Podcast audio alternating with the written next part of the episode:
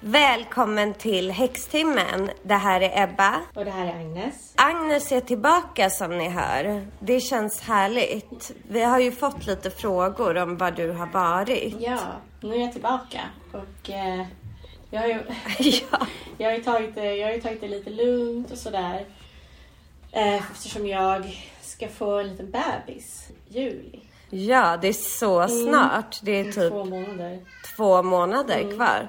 Ja, och det är ju faktiskt rätt intensivt att spela in en podd så här som vi gör en gång i veckan.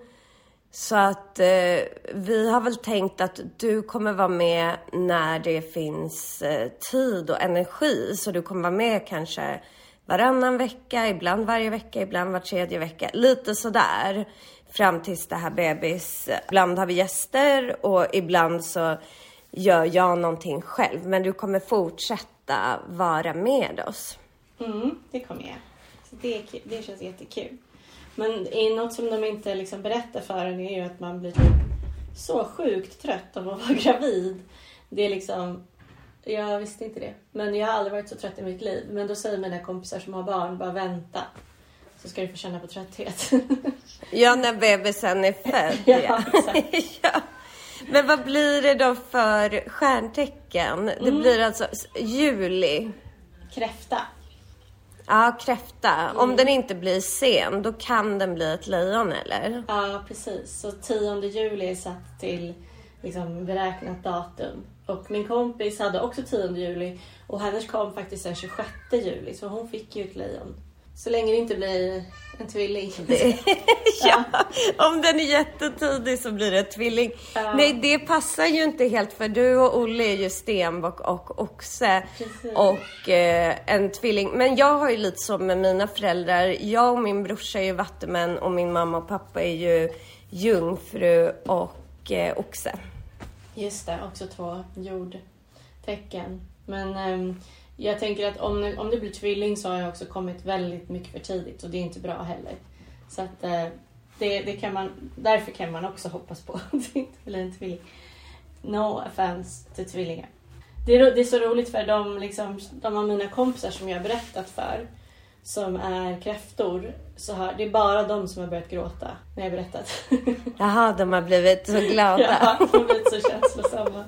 Så de har börjat gråta. Ingen annan förutom kräftorna. Det är väldigt kul. Men för att det ska bli en kräfta eller bara för att bebisen ska komma? Bara för att bebisen ska komma. Så kräftan var bara en bonus.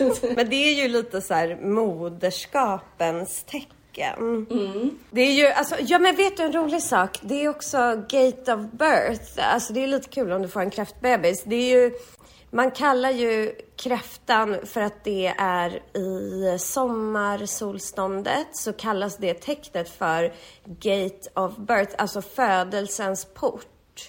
Medans eh, stenbocken ju kallas för dödens port som jag brukar så här, skoja lite om, eller tycker är lite roligt.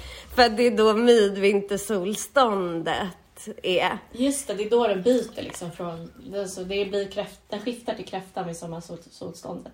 Ja, så det är liksom verkligen födelsens tecken. Mm, det är lite häftigt. Och vissa tycker, jag hörde det på, jag hörde på en, på en astrologipodd så pratar de om, för vårt zodiak jul startar ju med väduren. Men då var det en som pratade om att det här Thema Mundi som är liksom världens födelse.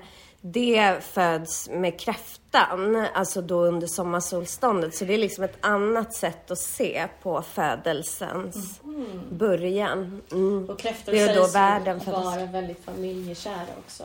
Och mamma-kära. Ja, det är ju skönt för dig också. ja. Men nu är vi faktiskt inne i Taurus season. Du har ju precis fyllt år. Alltså vi är i oxsäsongen. Mm, precis. Jag fyllde år för inte ens en vecka, lite mindre än en vecka sedan. Så att eh, det är min favoritsäsong då. Eh, oxsäsongen. På grund av din födelsedag eller på grund av vår...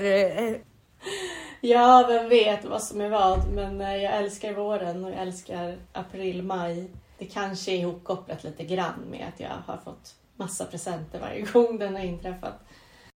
Jo men det är en härlig tid ju. Det, det, alltså idag fyller faktiskt, vi spelar in på måndagen, då fyller faktiskt eh, Meta, vår gemensamma vän, år. Och eh, den 4 maj fyller min pappa år här, det är nästa vecka.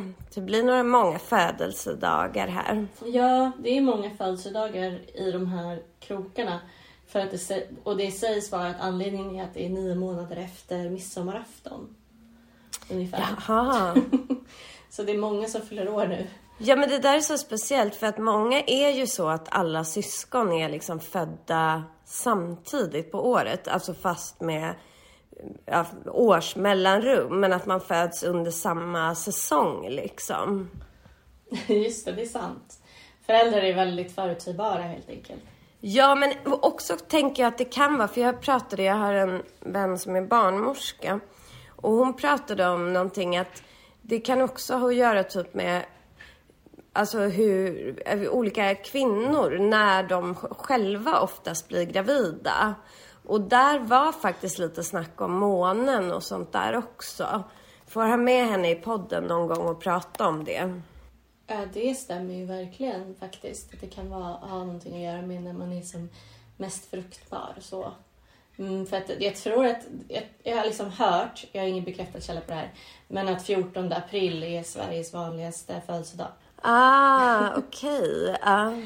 Och jag känner faktiskt fyra personer som är födda den 14 april, så det kan mm. vara sant. Och då är de vädur? Då är det vanligaste mm. tecknet i Sverige? Precis. Så att det är liksom runt den 20 ungefär, när det går över från vädur till oxe, som det är många som har blivit födda. Inklusive lilla jag. Ja, just det. Du fyller år där också. Mm, jag fyller år liksom precis på skiftet från väder till oxe. Samma dag som eh, Hitler. det måste ah, sägas. Men grejen är att det... Ja men alltså, för jag var ju tvungen, det senaste avsnittet du och jag spelade in tillsammans, det är ju typ en månad sedan, då pratade ju vi om kriget, för då hade ju det precis börjat. Mm. Ja, det måste vara en och en halv månad sedan typ. Men och efter det så började jag faktiskt kolla på också Hitlers eh, födelsehoroskop en del. Vad hittade du där? Så här, vid första anblick så tyckte jag bara några saker var intressant. Men, och det var ju bland annat att han, för han är ju oxe, som du, men han har ju um, Libra ascendant, som du också faktiskt. alltså nu menar jag inte att du är lik Hitler, men ni har vissa gemensamma Ja, ja men, minsann. Ja, men då, då började jag tänka så här, Libra, för då hade ju vi precis gjort det där avsnittet där vi pratade om att Putin har så mycket Libra. Att det var liksom, han hade ju stellium i Libra. Alltså massa planeter som klumpar ihop sig där. Så började jag bli så här, men gud, det är något med det och så. Men sen när jag undersökte Hitlers horoskop lite mer så såg man faktiskt rätt mycket grejer att han hade jättemycket, om jag inte minns fel nu, han hade massa planeter i åttonde huset. Och en sak som han hade gemensamt då med Putin, det är att han hade eh, Leo, alltså lejon, i Midhaven. Och att båda hade Pluto där. Mm -hmm. För lejonet i Midhaven som är vår karriär och vår liksom, vad ska man säga, status och sådär. Tänk att lejonets skuggsidor kan bli väldigt mycket det där att man ska vara jättemäktig och sådana saker. Alla de dåliga, så att säga negativa i alla fall, sidorna av lejonet kan förstärkas då. Ja, att man blir liksom lite fåfäng och lite arrogant och sådär och vill ha makt typ. Och att Pluto på något sätt spidar på det där väldigt mycket. Ja, det där är intressant när man just att tänka på vilka dagar som diktatorer är födda, för de måste ju också ha en födelsedag. Men vet du Agnes, jag hade faktiskt en tarotläsning med en tjej som lyssnar på podden och sådär. För, alltså det här var kanske två månader sedan. Men som är alltså född exakt nästan samma tid som mig. Jag är ju född 17 och 14 och hon var född typ så här 17 och 12 eller någonting. Dagen efter mig samma år. Gud vad sjukt. I Stockholm. Så vi hade typ exakt samma horoskop. För att det var ju liksom samma tidpunkt Mm. och samma ascendent i och med att vi var födda så här typ nästan samtidigt på dygnet. Men det var rätt intressant att träffa henne. Och se, se- känna vad man känner igen och inte kanske. Ja, exakt. Och jag tycker för när vi pratade, alltså vi hade ju gjort en del olika livsval och sådär. Men vi hade ändå typ så här jobbat med ungefär samma saker och ja, hon var ju intresserad av ja, men så här andlighet och sånt nu och så. Så vi hade ju liksom väldigt mycket gemensamma grejer. Jag tänker att man ska se allt ur två delar. Alltså om man har saker gemensamt, ja, men så här, som Hitlers horoskop. Alltså i hans liv så tog det, alltså det kanske blev fel på olika delar och då tog det sig uttryck på ett annat sätt. Än vad det behö- han hade ju inte behövt bli en ond människa. Men han var ju tydligen väldigt intresserad av astrologi apropå det. Alltså han gick tydligen till en astrolog typ hela tiden. Det har, och var så här, när ska jag invadera det landet? Och alltså sådär höll han på.